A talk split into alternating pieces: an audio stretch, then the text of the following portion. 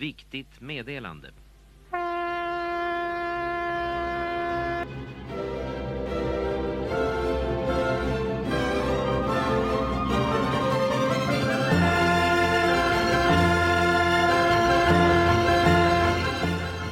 Eh, Ja, välkommen till det första avsnittet av Totalförsvarspodden. Och eh, ja, var sitter vi? Vi sitter hemma hos mig nu och mitt namn är Peter Bennesved. Och vad är du? Jag är doktorand i idéhistoria och skriver just nu en eh, avhandling i, eller om svenska skyddsrum. Okej. Så det är väl därför du är här antar. Ja, men precis. Men jag är ju som nördig på det området och jag tycker det är konstigt nog fascinerande Ja. med just det här. Men eh, vad, the basics, vad är ett skyddsrum? Ja, ett skyddsrum eh, det kan vara precis vad som helst om man ska vara sådär riktigt gå ner i, i, i botten. Det kan vara precis vad som helst. Det kan vara det här under bordet här kan vara ett skyddsrum. Det finns egentligen ingen definition av vad, som, vad det ska vara. Eh, utan varje utrymme som kan skydda dig från någonting annat är ju ett skydd. En grotta är ju kanske den mest klassiska liknelsen. Och eh, Ja, men idag så när vi tänker skyddsrum så tänker vi ju oftast inte på en grotta eller under bordet utan vi tänker ju på någonting annat. Kanske någon, en källarutrymme eller någonting sånt där som är en stor ståldörr, gärna gjord i betong eller själva rummet gjord i betong. Och eh, sen är det kanske tillhörande ventilation och så ser vi den här lilla skylten. Det är väl det som är skyddsrum. För de flesta personer. När, när, när, när liksom uppfanns det första skyddsrummet? Ja, ja men det är precis, då får man ju bestämma så vilken typ av skyddsrum man pratar Ja, men om vi säger det här med betong och, Ja, precis. och. Man kan säga så här att det är ju i och med flygbombningens intåg i krigsföring som vi upptäcker någon slags idé om skyddsrummet, att vi bör ha ett skyddsrum. Men de första skyddsrummen som fanns i Europa, så vitt jag känner till, har ju varit... eh, Det kan ju vara ett, bara en källarutrymme egentligen, som man har ett träbjälklag. Som st- stöttar upp med träbjälkar under. För att det ska klara lite högre tryck. Eller bara ett teglat eh, källarutrymme. Egentligen. Hur ser, hur ser det, det liksom standard svenska skyddsrummet ut? Är det som Ja, men det är nog bara den här Betong. betong. betong och ståldörrsgrejen. i, i källaren på ett lägenhetshus? Ja, också? precis. Sen kan man se lite på... Oftast så... Du tänker nog att de är från samma årtal allihopa. Men det beror på lite hur dörren ser ut. Om den öppnas inåt eller utåt. Vilken typ av filter som finns i den. Hur många utgångar och sådär. Så kan man datera det lite grann. Vilken årstid. Men, eller vilken eh, årgång det är. Du som är liksom sommelier på skyddsrum. Mm. Vilka har vi mest av? När byggdes de flesta skyddsrummen i Sverige? De flesta byggs eh, efter 1945 upp till... Ja, vad ska man säga? Jag tror att det är upp till 92 eller någonting sånt där. Den perioden. Alltså det är under hela kalla kriget egentligen. Men vi har allra störst produktion under 50 och 60-talet. Så vitt jag kan se i alla fall. Hur många per år? Ja, då är det väl... eh, Jag, tror, jag räknade ut det där någon gång. Jag minns inte exakt vilken siffra jag kom fram till. Det beror på lite vilka register man tittar på också. Men jag tror att det var något så här 2 500 per år eller någonting sånt. Det var en hygglig massa. Mm. En ohygglig massa skyddsrum som byggdes. Speciellt under 50-60-talet. Och det, har ju, det, hade, det hade att göra mycket med byggboomen som var generellt då. Det var så här att under, under eh, 1940-talet, mitt under brinnande krig, så bestämde regeringen och gjorde de en så kallad skyddsrumskungörelse. En kungörelse är som en slags ja, regeringens liksom dekret. Mm. Det, är, det är inte grundlagsstatus, Mm. men det är liksom en lag som ska följas så länge den regeringen sitter i alla fall. Och då sa de så här att alla nya byggnader som skulle uppföras med en viss storlek eh, eller, ja, det var, eller där ett visst antal människor skulle vistas under, under dagtid. De skulle ha ett skyddsrum. Jag tror de la gränsen på 25 personer eller någonting sånt där. Så det betyder att alla hyreshus där det är tänkt att det ska bo ungefär 25 personer eller ska vistas där under dagtid. Och alla industrilokaler eller köpcenter eller vad det nu Köpcenter fanns ju inte så mycket på den tiden. Men, men Doms, affärslokaler. eller, ja, Ja. Det kanske kommer senare, jag vet är Domus kommer lite senare, men, Ja. men typ. Typ så. Eh, De skulle ha ett skyddsrum. Det gällde ju då de som byggdes, när det byggdes nytt. Och det är bara i vissa fall som jag tror att industrier blir tvungna att sätta in skyddsrum. Även om de inte byggde nytt så att säga. För att det var så pass viktigt. Industrierna under 40-talet var ju mycket viktigare att Mm. skydda egentligen än civilbefolkningen. Mm. Vet, industriapparaten och sånt ska vara igång. Hållas igång även under krig. Eh, Men då bestämde de i alla fall 1940, ja alla hus ska ha skyddsrum. Eh, Men sen så när kriget tog slut 1945 då började ju den här stora byggboomen. Då hade vi en bostadskris ungefär som det ser ut som, som vi har idag. Och staten började finansiera en väldig massa skydds, eller, eh, lägenheter eh, runt om i landet. Vi byggde ungefär 100 000 lägenheter per år under väldigt många år. Mm. Och då kan du tänka dig, om vi Mm, bygger då ska 100 000 alla- lägenheter då blir det... skyddsrum, ja. Precis, då ska alla ha skyddsrum. Ja, så, så på den... Där, där kan man säga att antalet skyddsrum som vi får under, under, i Sverige under den här perioden hänger mycket på just den utbyggnaden. Sen finns det ju massa andra större skyddsrum också. Och eh, militären och så bygger ju också skyddsrum fast det kallas kanske något annat. Mm. Eller någonting som påminner om skyddsrum eller bunkrar, det är kanske mer bunkrar. och så. Så att, och, men de är ju inte lika många. Nu, nu pratar vi ju inte tiotusentals utan ju bara hundratal kanske. Mm. Jag tror att vi har ungefär 350 stora befolkningsskyddsrum i Sverige. Fortfarande idag? Ja, de, de är ju så stora så att de driver man ju inte hur som Nej, helst. exakt. De Okej. flesta av dem finns väl kvar. Och de kan variera från att ta in ett par hundra pers upp till Katarineberg till Stockholm som är den största som tar in 20 000 på stående fot. Det var Ja, tänkt så i alla fall. ja. Idag har man inte... Jag tror att de har räknat ner den här siffran ganska brutalt. Jag tror att de räknar med 5 000 eller någonting sånt där i Katarineberg Okej. idag. Men det var byggt för 20 000. Ja. Det var så de tänkte.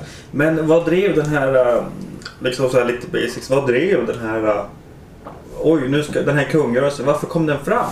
Varför kände man att oj nu är Sverige hotat av Ja. fientligt bombplan liksom? Eller? Jo, nej, men det, eh, om man ser på den utrikespolitiska situationen under, under 1940-talet så var det ganska givet. Eh, och eh, jag menar, Norge, eh, fan jag vågar inte svära på om det var 1940 eller 1941 som Norge blev invaderat av Det Nazityskland. var, ja, det Ja, var... det- det var ja, precis. Ja, någonstans. Du får rätta där, du får Exakt. klippa bort det Det här är fakta, faktapodden. Ja. Men du får ju tänka att Sverige är ju omringat egentligen av krigförande länder under den här perioden. Och man hade ju en förhoppning om att hela tiden hålla sig utanför. Mm. Men, eh, och vi hade ju högsta beredskap Mm. från 1939 tror jag. Eh, Så, så civilförsvaret hade ju högsta beredskap då. Så då, då var det ju ganska... Då blev det ju väldigt akut helt enkelt. Man har ju pratat om att skaffa skyddsrum ända sedan början av 30-talet. Man, har, man hade lite olika syn på det och där. Det var mycket försvars... Eh, under den här perioden om hur man skulle göra med civilförsvaret överhuvudtaget. Om man skulle satsa på ett passivt eller ett aktivt civilförsvar. Så idéer om skyddsrum hade funnits lite tidigare men då började det bli så pass akut så att nu, nu måste vi agera vi måste göra det nu. Ja, Och då hade vi också, då hade ju staten eh, grundat den här luftskyddsinspektionen som det heter då som sen skulle bli Civilförsvarsstyrelsen. Mm. Och då fick de i uppdrag att, att göra riktlinjer för hur ett skyddsrum ska se ut. Man kan säga att från, 19, från 1940, och i och med skyddsrumskungörelsen, så blir skyddsrummet en statlig angelägenhet. Det är först då det får en, en formell form, så hur det ska se ut och hur det ska fungera. Innan 1940 så kan ett skyddsrum vara lite vad som helst egentligen. Det kan bara vara något som var liksom tillfälligt fixat eller förstärkt eller någonting sånt där. Men efter 1940 så blir det liksom en statlig angelägenhet. För den här kungörelsen den, sitter sen, den sätts ihop tillsammans med den nya civilförsvarslagen som kommer 1944 träder träda i kraft 1945. Så kungörelsen övergår till att bli riktig lag så att Mm. säga. Och, och, och så efter 1945 påbörjas den här byggboomen. Så det är så det, är så det sker. Så men, men, men eh, vem betalade för de här skyddsrummen? Var det staten som gick in när man skulle bygga ett hus? Då gick staten in och betalade den kostnaden eller? Delvis betalar de det. Delvis, de fick dela på det. Jag tror att kommunen... Det här, det här har varit lite olika under Ja. årtionden som har gått. Jag vågar inte säga helt definitivt, men jag har för mig att det var så att man började med att staten skulle betala en tredjedel, kommunen en tredjedel och, fastighet, och fastighetsägarna en, den sista tredjedelen. Så, att, ehm, så så delade man upp det. Och fastighetsägaren la ju det här sen på, på hyran. Så de som bodde i hyreslägenheterna betalade ju i, i det långa loppet, den sista tredjedelen. Så. Om vi, vi stannar kvar i det här brinnande kriget och vi Mm. har krigsländer bredvid oss. Jag tänker vi kommer in på en annan som jag förstått att du har forskat en del i och det är ju hemskyddet. Och som jag har förstått Mm. så uppstod väl det under det andra världskriget i Sverige. Man Ja, ska, sådana här kampanjer, man ska rensa vinden. Från Bråte har jag läst mycket om och Mm. man åkte runt med stora flakbilar i Stockholms gator och ropade i megafonen eh, kriget nära liksom. Fast ja. Men eh, vad, vad var hemskyddet? Hemskyddet eh, var helt enkelt den frivilliga organisationen under civilförsvaret. Eh, När man instiftar civil, eller luftskyddsinspektionen då, som sen ska bli Civilförsvarsstyrelsen, så var det den statliga delen.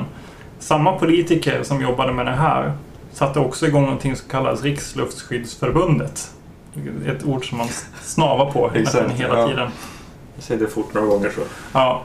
Eh, Och Riksluftsskyddsförbundet skulle ju egentligen samordna propaganda, övningar och utbildning. Medan den statliga luftskyddsinspektionen skulle stå för, för det intellektuella materialet kan man säga. Så de gjorde utredningar, de gjorde anvisningar och, och, och sa vad som skulle ingå i de olika eh, utbildningarna och så. Så Riksluftskyddsförbundet, Riksluftsskyddsförbundet Det var de som anordnade de här vindröjningarna och sånt. Och det var de som stod för utbildningarna och det är de som egentligen organiserade hela hemskyddet, eller det vi kallar hemskyddet. Men var det, liksom, var det jättemycket folk som var med? Ja, det var det. Det var, det? Sveriges... De skryter ibland med att det var Sveriges största folkrörelse. Och 1944 så hade de väl 600 000 medlemmar. Det är ju det Det är, är det väldigt- är ganska mycket inte det faktiskt. finns någon... De var större än LO på den tiden. Ja, Och det, det är ju enormt. Eh, Men sen dalar det. Jag tror att de hade som mest 1945 typ 647 000 eller någonting sådär. Det står i den här boken. Sen. Men eh, det dalar ju rätt så. Och sen så tiden efter det. Eh, det kan vi gå in på sen då. Så blev det ju ännu större på sätt och vis för att eh, då tvingade man folk att utbilda sig. Så då hade de ju nästan 900 000 inskrivna i I civilförsvaret. Jaha, i civilförsvar. Ja, För det där är ju- hemskyddet det ingår. Det, är lite, det är lite svårt att skilja på vad som är frivilligt och vad som är statligt här. För att hemskyddet var organiserat som en frivillig organisation. Då var det så här, då hade du ett kvarter och så hade du en person som var uttagen som ett slags befäl. Och så fanns det då de andra personerna som bodde i eh, lägenheterna så de skulle ju hjälpa det här befälet, eller de var ju hans trupp så att Mm. säga. Det är ju oerhört så militariserat språk. Jag tror att de fick lägga ner det där ganska snabbt för det fun- fungerade väl inte jättebra. Men det var så det var tänkt att det här befälet skulle vara liksom, han skulle ha ansvar, oftast var det en han då givetvis, någon som inte var uttagen för militärtjänst. Det måste vara någon som är under 18 år eller vad de hade, Ja, det 16 var- eller ja, något. Jag minns inte ja. vilken, vilken tid de hade där men en ganska ung tonåring eller någon som är äldre än 47 år. Exakt, civilförsvarsplikt. Ja, precis. De var tvungna att... och Civilförsvarsplikt är det någonting något- annat. det kommer- någonting annat? Ja, men det kan vi Jaha. komma till sen. Men så man tog ut några personer då som skulle vara som befäl och så skulle de få hjälpa de som bodde i det, lägenheten. de blev uttagna eller var det någon slags Ja, av, frivillighet? av, av eh, de här organisationerna. För Riks, Riksluftsskyddsförbundet består ju av ett antal små eh, förbund som Ja, finns på lokal nivå. Ja. Så det är som en slags samordningsförbund det där. Och de skickar ner, alltså du kan tänka dig Luftskyddsinspektionen skickar ner material till Riksluftsskyddsförbundet som Mm. sen skickar vidare material och aktivitetsförslag till de lokala förbunden. Och de lokala förbunden organiserar hemskyddsgrejen och står för utbildning och sånt där. Så det är en väldigt, eh, ja, en sån här trappa.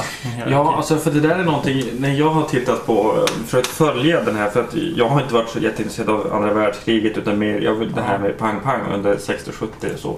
Men jag har svårt att följa vad hände med hemskyddet efter kriget tog slut. För i de, liksom, de dokument och de eh, handlingar jag har, då omnämns inte det förrän någon gång på 80-85 då det blir gigantisk satsning. Man ska väl upp till det, 850 000 eller ex, de siffrorna. En i varenda kvarter ska utbildas till hemskyddsombud. Som det då kallas. Men vad hände, fanns, vad hände är de här människorna emellan? Så här är det. det här, den här organisationen, Hemskyddet, fungerade ju ganska bra under kriget. Eh, Men sen så efter 1945 då förfaller väldigt många av de här eh, föreningarna, de här lokala civilförsvarsföreningarna. Och man tappar också en väldig, antal, en väldig massa eh, medlemmar. De förlorar tusentals varje år. ända fram till 1987. Så jag tror där har de lågvattenmärken på 10 000 medlemmar. Så frivilliggrunden, de som, som skulle jobba med hemskyddet, de försvann ju sakta.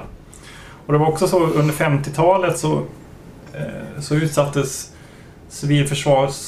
Civilförsvarsstyrelsen för en väldig massa kritik för sin planering. Så när man gjorde om 1959 så skrotade man helt enkelt hemskyddet. Mhm. För man ansåg att det var en förlegad, eh, liksom en förlegad typ av civilförsvar. Och det har de ju delvis rätt i, för att under 50 och 60-talet så är det ju det som du är intresserad av, atombomberna Mm. och de här stora smällarna. Och då, då kan du ju liksom... Du, det är en annan typ av civilförsvar. Du får tänka det här i hemskyddet så hade man, då, då får du se varje lägenhet så här så bor du... Så, då springer du ner i skyddsrummet vid en bombräd. Och den här befälet sitter där. Han har en telefon upp till vinden. Då har han en vakt. Oftast en, ett barn eller någon yngre person som, som är uppe på taket och kollar så att det inte börjar brinna eld. För ifall det börjar brinna då måste alla ut i skyddsrummet och hjälpa till att släcka och så. Så att under den här tiden så är det en slags skyddsrummet och civilförsvarsaktiviteterna är väldigt mycket in och ut här. Alltså de, skyddsrummet ses som en slags central Mm. där du har allting som behövs och du har skydd för bomber och så. Men vid- en fullträff så är, kommer du ändå dö, det räknar man med. Men här ska du, där ska du springa upp och ner och du ska vara, liksom, vara behjälplig och du ska släcka eldar och sånt här. Och hade sina såna här pytspumpar och Mm. hinkar och det som Tage, eh, Tage Danielsson skämtar om i sina böcker. Ja. Men du får tänka 1959 och 1960 om du släpper en vätebomb så, Ja. så har du Det inte så stor inte så nytta mycket av Nej, alltså, det- du, du har ingen nytta av den här typen av organisation. Så vad ska de göra då? Det är klart att det startar eldar och sånt då också men, men det var liksom en helt annan värld. Så därför skrotade man det. Och det återuppstår på 80-talet och det är därför du märker de, de instiftade igen. Eh, Jag vet inte vilket, eh, vilket årtal under 80-talet. Men då, och då görs det i en mer organiserad statlig variant. Och där man använder sig av civilförsvarsplikten Mm. för att plocka ut civilförsvarsbefäl. Oftast var, oftast var det vapenvägrare och sådana som fick, Mm. Som fick hamna på civilförsvaret och så blev de någon slags civilförsvarsbefäl och sådär. Utbildade av civilförsvaret. Just det. Stickan. Ja, precis. Det var liksom, så var det. Exakt. Som jag minns det där Ja. som igår. Exakt. Nej, men det, där, det där är intressant för just, just hemskyddet. Det är väl något som jag har... Jag menar, för jag, jag, senast när jag gick hit så, så såg jag ett dokument från Kiruna. Eh, Eller eh, Civilförsvarsförbundet Norrbotten tror jag de heter. Mm. Och där, där, var de, där hade de gjort en... eh, Det var till och med från Civilförsvarsstyrelsen en skrivelse till Civilförsvarsförbundet. Och så skrev, så här, då skrev de så här. Utbildningsläget för hemskyddare är för lågt. Mm. Och då såg man i Kiruna, där skulle det behövas 96 hemskyddare. Eller ja, var det fler? Ja, men jag tror det var 96, det är 100 procent. Alltså typ krig. 30 procent, jag tror det var typ larm eller liksom beredskap. Och sen hur många utbildade de var. Och de var på 36. Eh, och då var det, ni måste utbilda fler hemskyddare. Liksom för att liksom, det här ska kunna Ja, fungera. just Och det här var 90, 92. Okej. Eller 91 ungefär. Mm. Men, men och jag tänker min fråga är väl hur det här civilförsvaret det finns ju liksom en frivillighet i det här Ja. och den här statliga delen. Mm. Hur, hur skulle man locka in människor att vilja liksom fylla den här civila delen? Ja. För det här statliga, det, om, ja det är ju mycket propåer. Bygg ett hemskydd, vi är frivilliga. Men om inte kraften finns härifrån. Ja, eh, det är en bra fråga. Jag tror att jag kan inte svara för hur man har tänkt sig under hela perioden. Men under, an- under brinnande krig och andra världskriget så var det här en slags folkrörelse. Och, och det är ju sammankopplat med en väldig massa saker som nationalanda och försvarsvilja och sådana saker. Och du får ju tänka dig att det måste vara helt annorlunda när, du, när vårt land skulle vara omgärdat av krigsförande länder och man känner att kriget var liksom just runt husknuten. Så jag tror att det i sig plockar väl upp väldigt mycket. Och sen kan man ju tänka sig i Sverige, vi ska ju vara så himla duktiga på allting vi. Eh, vi är ju så himla liksom engagerade så fort det händer någonting och så ska visa oss på framfötterna och så. Så jag kan tänka mig att det bara det satte väl igång någon slags ansvar hos folk då. Men jag kan inte riktigt, det, det är ju en intressant fråga. Det, Var, var, var, är, var kommer det här stora frivilliga ifrån? Jag antar att det mycket bara handlar om någon slags pliktkänsla och antagligen ganska mycket socialt tryck. Att Mm. det förväntas att du ska vara med. Och de gjorde ju väldigt massa propaganda och sånt också. Massa filmer och massutskick av broschyrer och sånt där. Och det är klart att man vill veta. Jag vet inte, skulle, om, om du fick hem en sån där och du tänkte att imorgon kanske det är krig. Klart man skulle vilja veta. Vad ska, vad ska jag göra liksom? Hur ska jag skydda mig? Exakt. Men eh, vad som hände under, jag såg under 90-talet, då är det nog ingen som riktigt köper den, eh, den retoriken. För det är ju inte krig då formellt runt omkring oss. Även om det kalla krigets krigshot är liksom närvarande på sätt och vis. Så tror jag inte de lyckades få igång samma typ av rörelse då. Jag kan inte, kan inte tänka mig att det kunde fungera lika bra. Och, och sen var det också ett det är också lite märkligt. Det läste jag i, i deras egna historieskrivning, luft, Luftskyddsinspektionen. Eh, där står det att de, ett av deras största problem under 40-talet var att de konkurrerade med Hemvärnet som också var en ny organisation. Mm. Mm. Så många av dem som inte kunde vara med, så vi pratar om de här åldrarna, de som var yngre än värnpliktiga och de som var äldre än värnpliktiga. De hamnade ju också i Hemvärnet. Så det handlar mycket om att bara vara duktig på att plocka folk. Mm.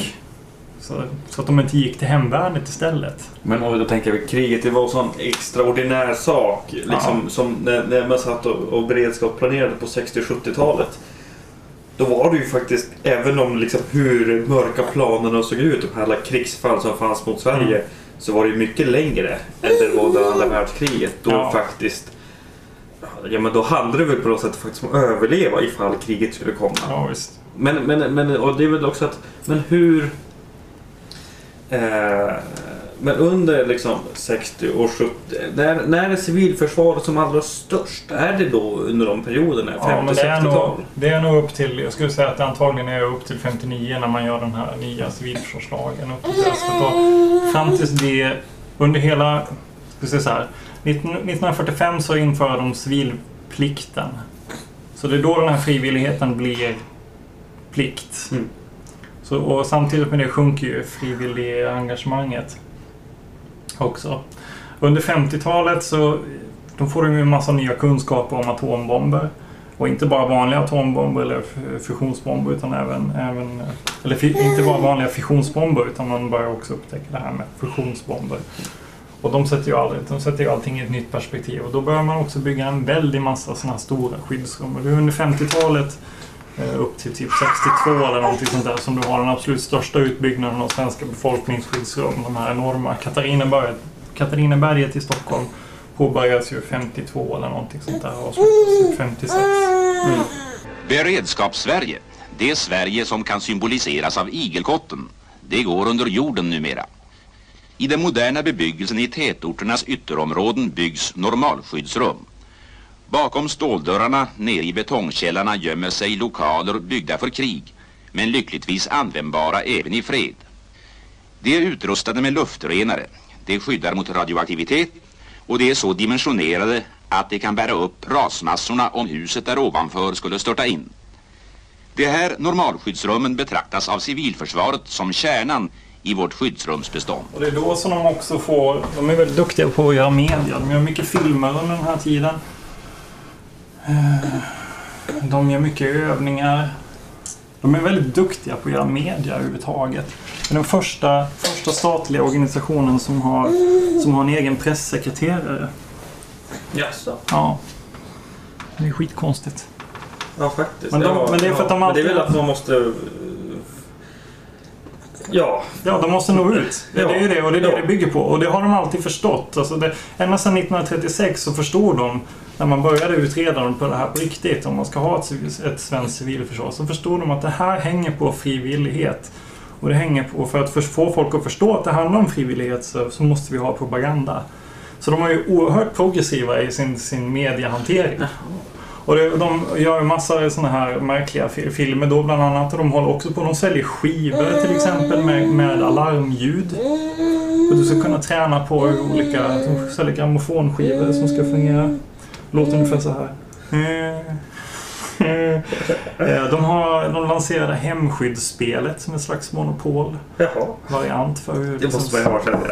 Ja, jag har försökt få tag på det men jag har inte lyckats. Alltså, det finns något, något På ett lager någonstans säkert. Ja, jag vet inte. De finns faktiskt recenserade på Board Game Geek. Nej. Jag. Jo, helt fantastiskt. Men sådana här saker gör de då. De har ju väldigt mycket utställningar på, eh, alltså i städer. Då. De har så här skyltrum, eller skyltfönstersutställningar Ja. om civilförsvaret. De har också riktiga utställningar Folkets Park. Och de här övningarna som man har är ju ett slags PR-jippon Mm. också. Man skulle utrymma, man, man övar väl på att utrymma Stockholm, men det var på 50-talet. Det Nej, finns det var 60. Ja, 60. Ja. Liksom att man byggde ett system att alla telefoner i ett visst område skulle ringa samtidigt och allting. Ja, det började man ganska tidigt faktiskt. Jag tror att de började med redan under 40-talet. Ja, det-. För att det var då när man försökte införa det här med alarmering. Ja. det var ju också en viktig del av det här. Om vi ska kunna ha någon utrymning så, så måste vi också ha en fungerande alarmering. Eh, Så då skaffar man de här eh, Kockums tyfonerna kallas de. De här tutorna. Hesa Fredrik.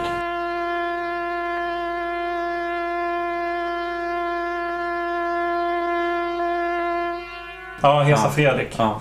Eh, Men eh, anledningen till att man kallar dem Hesa Fredrik var att man tyckte att de lät inte så bra. Alltså det, det, täckte inte så, det täckte inte upp så stort område. Så därför experimenterade man med telefoner. Säger. Ja. Så det gjorde man ganska tidigt. Eh, Men, det, men, men sen, för, sen kan vi ju då följa, eftersom teknologin utvecklas och speciellt Sovjets bombplan som blir, Mm. de får väl jetflygplan någon gång på 50-talet. Och. Ja, är också raket. Ja, med sådana här stora missiler man skickar. Ja. Men det jag läste någonstans att, eller det, det finns det ganska många platser, att alla förvarningstiden för ett bombanfall Mm. var fyra minuter på natten och tre minuter på dagen. Ja. Och då skulle man liksom hinna ner i sitt skyddsrum. Mm. Så att det är ju liksom så här. Ja, och då skulle man ju ha, och då, där ser man ju också att ett av hemskydds, hemskyddarna, eller hemskyddarna som de kallar på 80-90-talets uppgifter var att liksom förbereda folk. Ja, du ska ha en väska packad Ja. med ungefär en veckas mat och kläder och sådär. Ja. Och sen är det liksom bara spring ner i skyddsrummet. Så fort liksom alarmet går. Då är det fyra minuter på dig. Ja, men så här är det. Det här med, med eh, de här utrymningstiderna.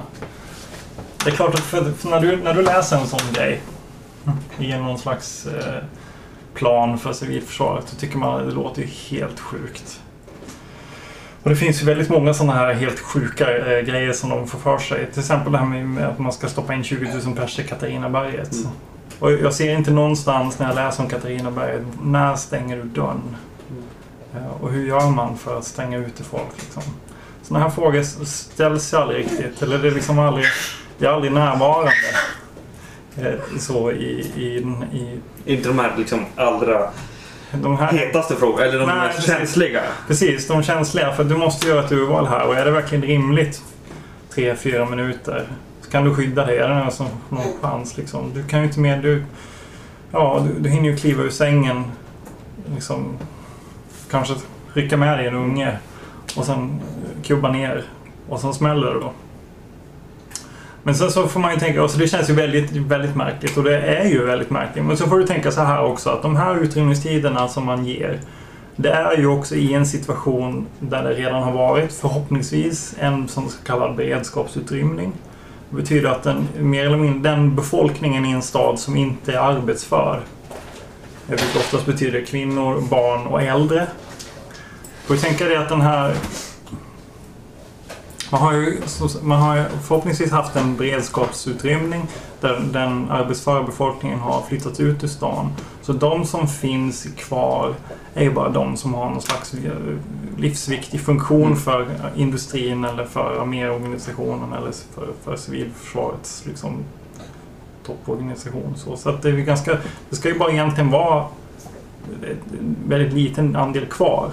Och då ska vi också redan veta att ja, men nu är det snart dags. Det kanske har varit ett uppskruvat tonläge mellan eh, Sverige och omgivande länder eller, eller eh, så kriget har redan utbrutit fast på en annan front. Eh, Det kanske är krig mellan, säg, mellan Västtyskland och, och Sovjetunionen. Och då, precis som under andra världskriget tänker man sig då att så ligger ju Sverige på någon slags utkanten här och kan bli inblandad. Så i en sån situation så är det inte så orimligt med de här tiderna. Eh, Då, då man tänker sig att vi, redan, vi är beredda på att det kan ske när som helst. Men klart om, om larmet skulle gå nu Mm. och det skulle säga fyra, fyra minuter, då skulle vi vara döda ju. Skulle inte ha någon aning. Jag vet i och för sig att det finns skyddsrum i den här byggnaden. jag- Men sen är det paniken och... och Ja. Ja, men den är nog öppen tror jag. De Är så? alltid, ja, de är alltid Ja. Ja, det är väl, man har väl fortfarande lagstiftning 24 timmar har på sig. Ja, Och 48. röja ut. Det har, 48 vari- är det. ja, det har varierat lite. Jag tror att det är 48 nu, om det inte är ännu mer. Om det kan till och med vara 72. Ja. Men det, det är lite olika. Men, för, Men det är ju 48 problemet väl att det inte finns någon som helst. Ja, det, det, den, den beredskapen kanske man håller på att bygga upp har ju som, har ju som eh, hintats kring. Ja. Att man, man, man tittar faktiskt på skyddsrumsfrågorna återigen som man inte har gjort på många år har jag förstått. Det verkar som att de har gjort någon slags gärning om det här på, på civilförsvaret. Han Björn Ekengren verkar ha satt igång någonting. Han är någon slags chef för skyddsrumsverksamheten. På MSB va? Ja, på MSB precis. Och, och mm, det verkar som att de har blivit lite mer aktiva på senaste tiden. Jag kan inte riktigt svara på varför. Kanske är det det här uppskruvade tonläget överhuvudtaget runt försvarsfrågor just nu som är lite spöka i bakgrunden. Men det, Men, eh, men den, här, den här podden heter Totalförsvarspodden och då har vi också, förutom det civila försvaret och sen krigsmakten, också det ekonomiska och det psykologiska försvaret. mm.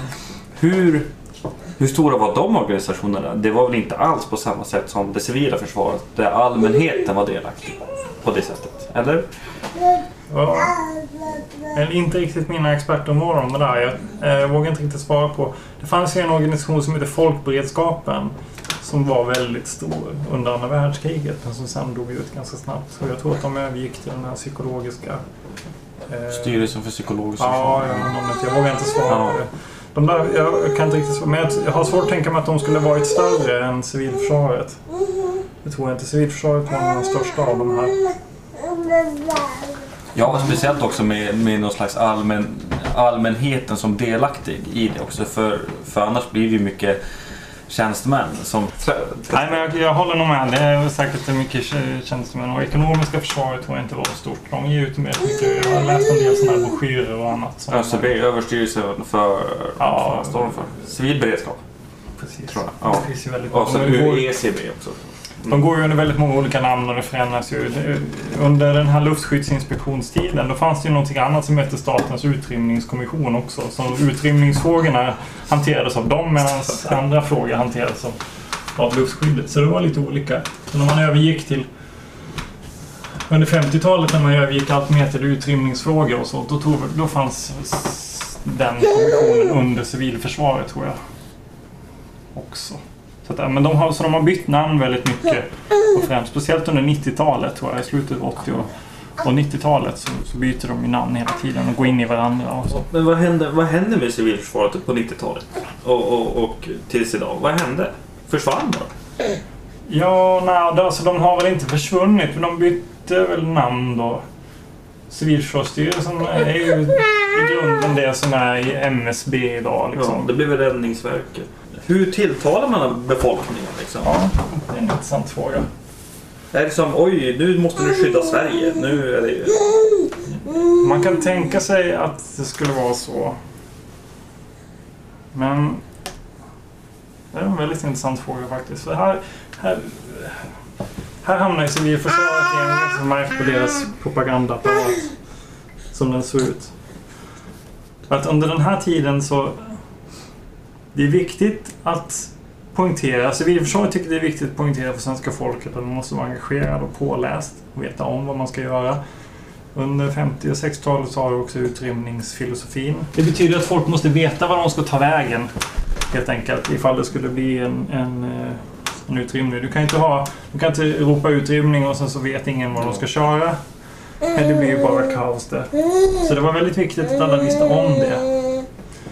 Och du ska veta var ditt skyddsrum finns och så. Samtidigt så, så eh, vill du inte skapa panik. Mm. Du vill inte få folk att tro att Kriget kommer när som helst. Ja, att det kommer när som helst. Eller du får inte skapa sån här defaitistisk känsla som Mm. de pratar om. Att det var liksom kört ändå. Så de hamnar i en väldigt sån märklig position här. Hur ska de göra? Hur ska de kunna informera människor så att de vet om vad som- vad som är deras plikt? Och samtidigt inte skrämma upp folk i onödan. Mm. Och gör de det på det rätt märkliga vis. Så de här filmerna är ju oftast... Det är ju det här att man vill civilförsvaret vill ju så här, informera så mycket de kan eh, men inte liksom skrämma upp folk. Och de har en väldigt glad ton i alla filmer och alla, de gör ju också tv-program under, under 50-talet som jag och en kompis håller på att skriva om. Eh, och Är det med några kändisar? Eller är det som... Nej, alltså man kan säga att Åke Sundelin som är ordförande för civilförsvaret, han är lite av en rikskändis. Eh, Ja, man ska inte överdriva, men han är ju på något vis civilförsvarsstyrelsens ansikte utåt. Han satt ju som ordförande lika länge som Tage Erlander var statsminister. Han var Okej. typ 28 år eller Ja. någonting sånt där. Så det var ju en väldigt lång tid. Så han var med i det där tv-programmet bland annat och syntes lite överallt. Och han höll tal på invigningar av de här stora befolkningsskyddsrummen och annat också. Att han var oftast med. Men den här tonen är rätt märklig för att samtidigt så... Det de gör... när de- Bland annat när de filmar skyddsrummen och så, det är att de har en väldigt glad ton där. Och, och man vill framställa det som någonting som är väldigt... Eh, någonting som är väldigt eh, fint och liksom någon slags... Vad ska man kalla det? Som något tekniskt, en teknisk framgångssaga egentligen. En teknisk framgångssaga. Det här är liksom det mest fantastiska som svensk ingenjörskonst har lyckats framställa. Det är de svenska befolkningsskyddsrummen. Det här är en helt otrolig eh, bedrift av oss. Att vi kan, tänk så många människor vi kan stoppa in här. Och inte bara det att man har ett ekonomiskt inci- incitament också. Utan de här skyddsrummen under fredstid är fyllda med massa fantastiska aktiviteter. Man kan spela pingpong, man kan träna på teater, man kan eh, sitta i baren och köpa en Trocadero, man kan eh, eh, meka med sin bil i garaget. Vi går under jorden. Ja, vi går under jorden och har säkert sett den. Den är Ja. vanligt. Ja, och, det, och, och det gör ju också att tonen blir rätt märklig här för att de har inte några bilder att visa från svensk, alltså krig på svensk mark. Oftast är det konstruerade bilder. De använder sig av till exempel små modellhus och sånt eh, som är, liksom ska se sönderbombade ut eller så tar man foton från Tyskland under andra världskriget eller från Japan eller någonting sånt där. När de väl blir tillgängliga för att visa. Så att du, på ena sidan så har man, använder man eh, konstruerat montage för att visa eh, krigsscenariot, hur det kommer se ut ovan jord. Och så, så visar man de här svenska hobbyverksamheterna i skyddsrummet som pågår under fredstid. Så känslan du får när du tittar på det här det är att medan det är krig och förstörelse och jorden ser ut som en slags eh, domedagsöken så pågår det svenska folkhemsprojektet i godan ro under jord. Under jorden. Ja, så det är därför de får sån, du får sån väldigt så ambivalent ton när man tittar på de här. Varför känns det så glatt och, och liksom kitsch? Eh, man tittar på det här samtidigt som det är liksom typ en, ser ut som en större katastrof. Liksom. Men är, är, det svenska civilförsvarsbygget unikt? Det är det. I allra högsta grad. Eh, det är bara Sverige och Schweiz som har så, så mycket skyddsrum. Och har såna, Schweiz är ju mycket bättre än oss. Ja, de har väl... Ja, De men har- alla gubbar är ju en gevär hemma också. Ja. Typ. De, har, de har en annan, annorlunda... Varenda litet Alltså de är ganska lika oss på många sätt. Eh, Lagstiftningsmässigt har de ganska lika grejer och de har inspirerat varandra. Det har ju varit väldigt mycket kontakter mellan Sverige och Schweiz under hela historien. Eh, Eller civilförsvarets historia och redan 30-talet så åkte de dit och kollade på hur de byggde upp sitt civilförsvar. De åkte till Tyskland, de åkte till Schweiz, de åkte till Belgien. Men är det lite bisarrt, eller inte bisarrt, men liksom... Vi men borde inte Finland eller Norge ha mest skyddsrum? De har ju faktiskt haft kriget. Där har ju Ja. civilbefolkningen fått se sina vänner dödade av flyganfall. Finland har ett ganska bra civilförsvar. Ja. Jag tror att den organisationen byggdes, byggdes väl upp. Den var väl, eh, jag vågar inte svara på exakt eh, hur det här gick till men eh, de hade väl någon slags organisation under kriget, under andra världskriget, som fungerade och sen så byggde de upp efter svensk modell efter kriget tror jag. För de har också väldigt mycket. Så den svenska modellen går också igen på civilförsvaret? Ja, den går också export. Det är också, det, precis, den går på export och det är många som, och de använder den som en slags reklam eh, Alltså civilförsvaret och Åke Sundelin när de åker utomlands och sånt där så, så propagerar de för svensk, den svenska modellen, så här hur man bygger. Och det här hänger också ihop med an, an, en av anledningarna till att svenska civilförsvaret är så stort. Det handlar ju också om att hur den ser ut i relation till vår militära makt. Mm. Under slutet, eller under 50-talet men fram till, jag tror att det var 59 eller 60, man slutligen bestämde att Sverige inte ska ha ett kärnvapen. Så användes ju så civilförsvaret och även efter då som ett slags substitut för detta. Hävdar jag i alla fall. Det här kommer vara en av mina, en av mina teser som jag driv, kommer driva. Att man använder sig av civilförsvaret som en slags, eh, ja, som en slags substitutstänkande. För vi har inte, vi har inte Mm. kärnvapen. Men vi har ett jävligt bra civilförsvar. Precis. Vi kan, vi kan excellera i att gå under jord. Men vi kan inte skicka bomber dit. Det är, men, men... eh, Ja, okej. det, det är ju... Men hur mycket pengar, alltså hur mycket av BNP rör det sig om? Alltså är det extrema mängder pengar som går till det här bygget? Eller är det som... Ja, det, det vågar jag inte svara på. Det är Nej. klart att det kostar ju mycket att bygga. Det kostar att bygga ett skyddsrum. Ja, bergrum. det kostar ju. Men hur det förhåller sig till resten av deras budget vågar jag inte svara på. Nej. Den var ju betydligt större förut, eller under 50 50-60-talet, än vad den är idag. Det, det tror jag nog. Ja, ja, absolut. Men då, då gjorde de också olika saker. MSB gör ju massa andra saker idag också. Så det kanske, det kanske, inte är, det kanske är lika, jag vet Mm. inte. Jag kan inte svara på det. Försvaret har ju vad är det, 4,5 procent av BNP eller någonting under 50-talet. Så det är ju typ Det är- det är massvis med pengar som körs ner i försvaret. Men, men, och det förändras ju också över, över tid.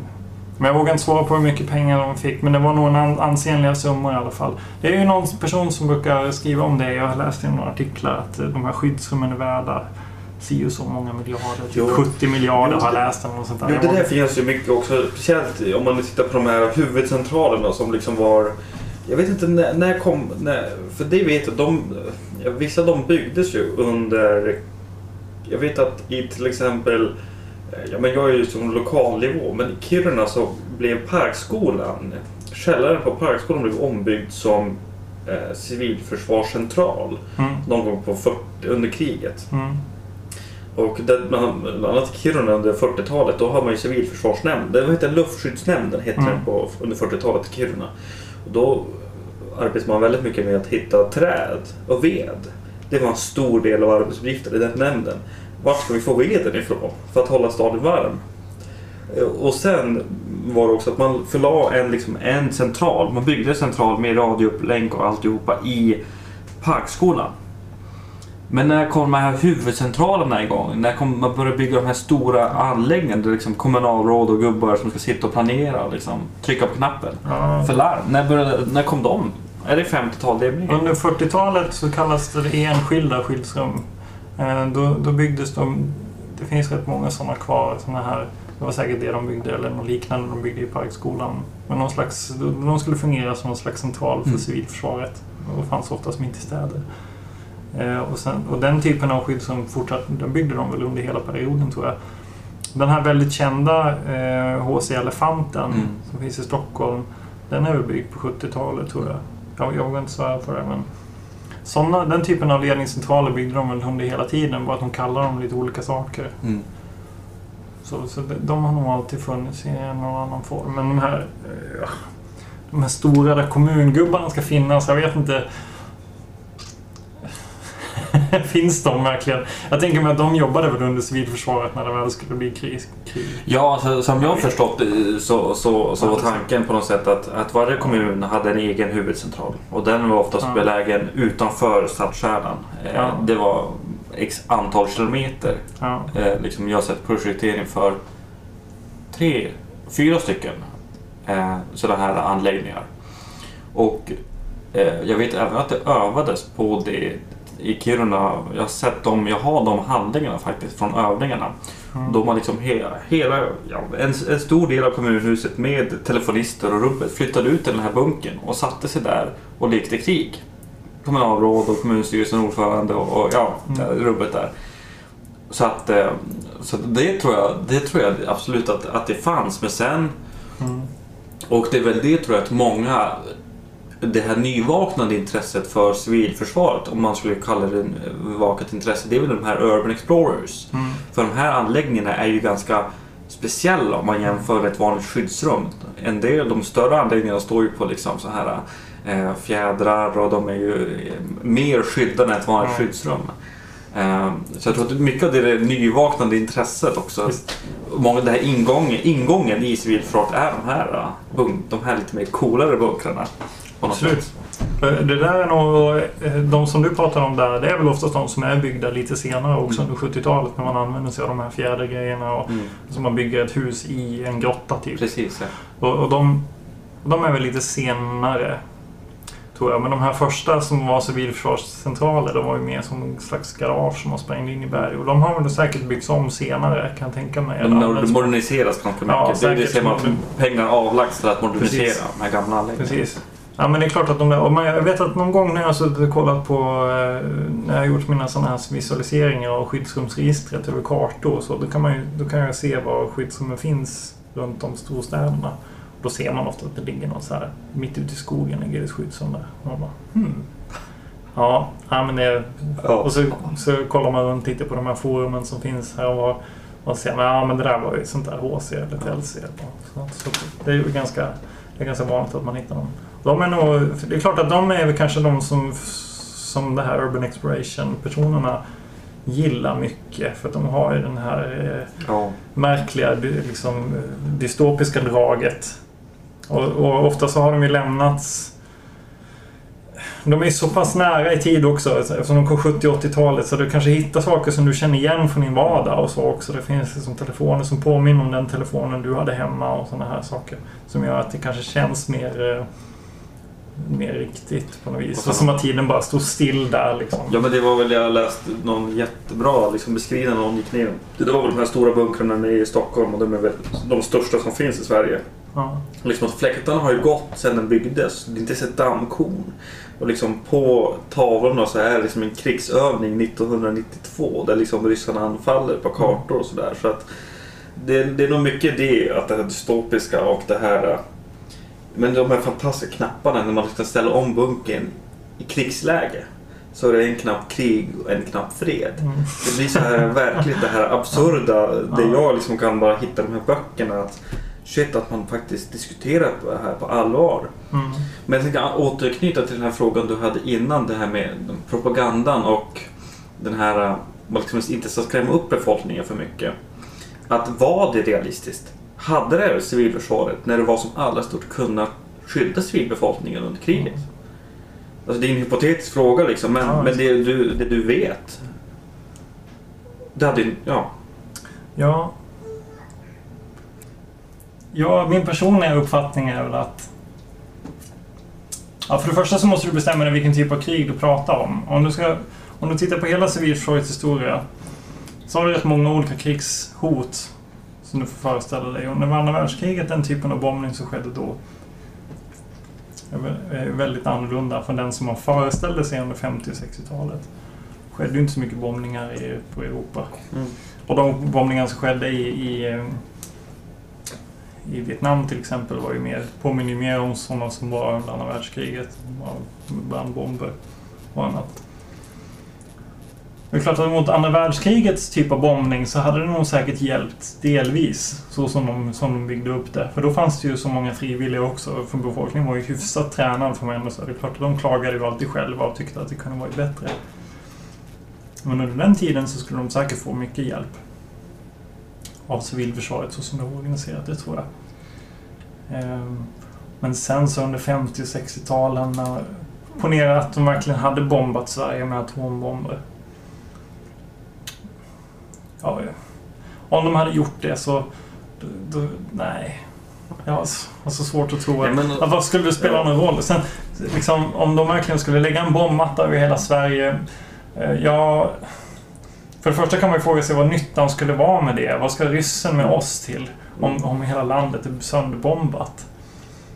Så jag har svårt att se att själva, alltså hela den typen av, hela frågan är liksom ett meningslöst. För jag tror inte att det skulle kunna, det, var inte rimligt att det skulle kunna bli ett krig av den magnituden på den tiden.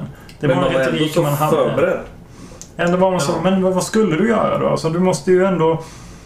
Och det är väl typiskt svenskt tänker jag. Du måste ju ändå göra någonting. Eh, om det går att förbereda sig på något sätt så bör vi väl ändå göra det, tänker jag.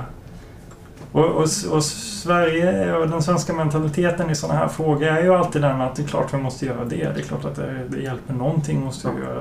Även om det inte var...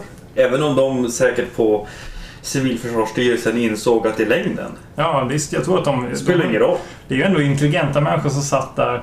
Eh, Jag kan tänka mig att de delvis slogs mellan det faktum att om de inte skulle tro på sitt jobb, ja då, då har de ju ingen roll att fylla. Alltså det handlar ju också om att de försvarar sitt yrke. efter 1945 så blir ju, då blir ju civilförsvaret en sån stor eh, statlig apparat med så många människor involverade att man man också ser det som att de här människorna gör... Det finns ju människor som gör karriär inom civilförsvaret. Som liksom intellektuella personer som skriver och engagerar sig. Klart som fan de är intresserade av att och, Mm. bedyra sin egen vikt liksom. Och att de ska finnas kvar. Så det är klart att de, de propagerar ju för att det ska fungera och att det är viktigt att det finns. Ja, men ska vi avsluta här? Ska du tacka, jag tackar så mycket för att jag fick besöka dig och sticka. Ja, Det var, det var roligt. kul att se.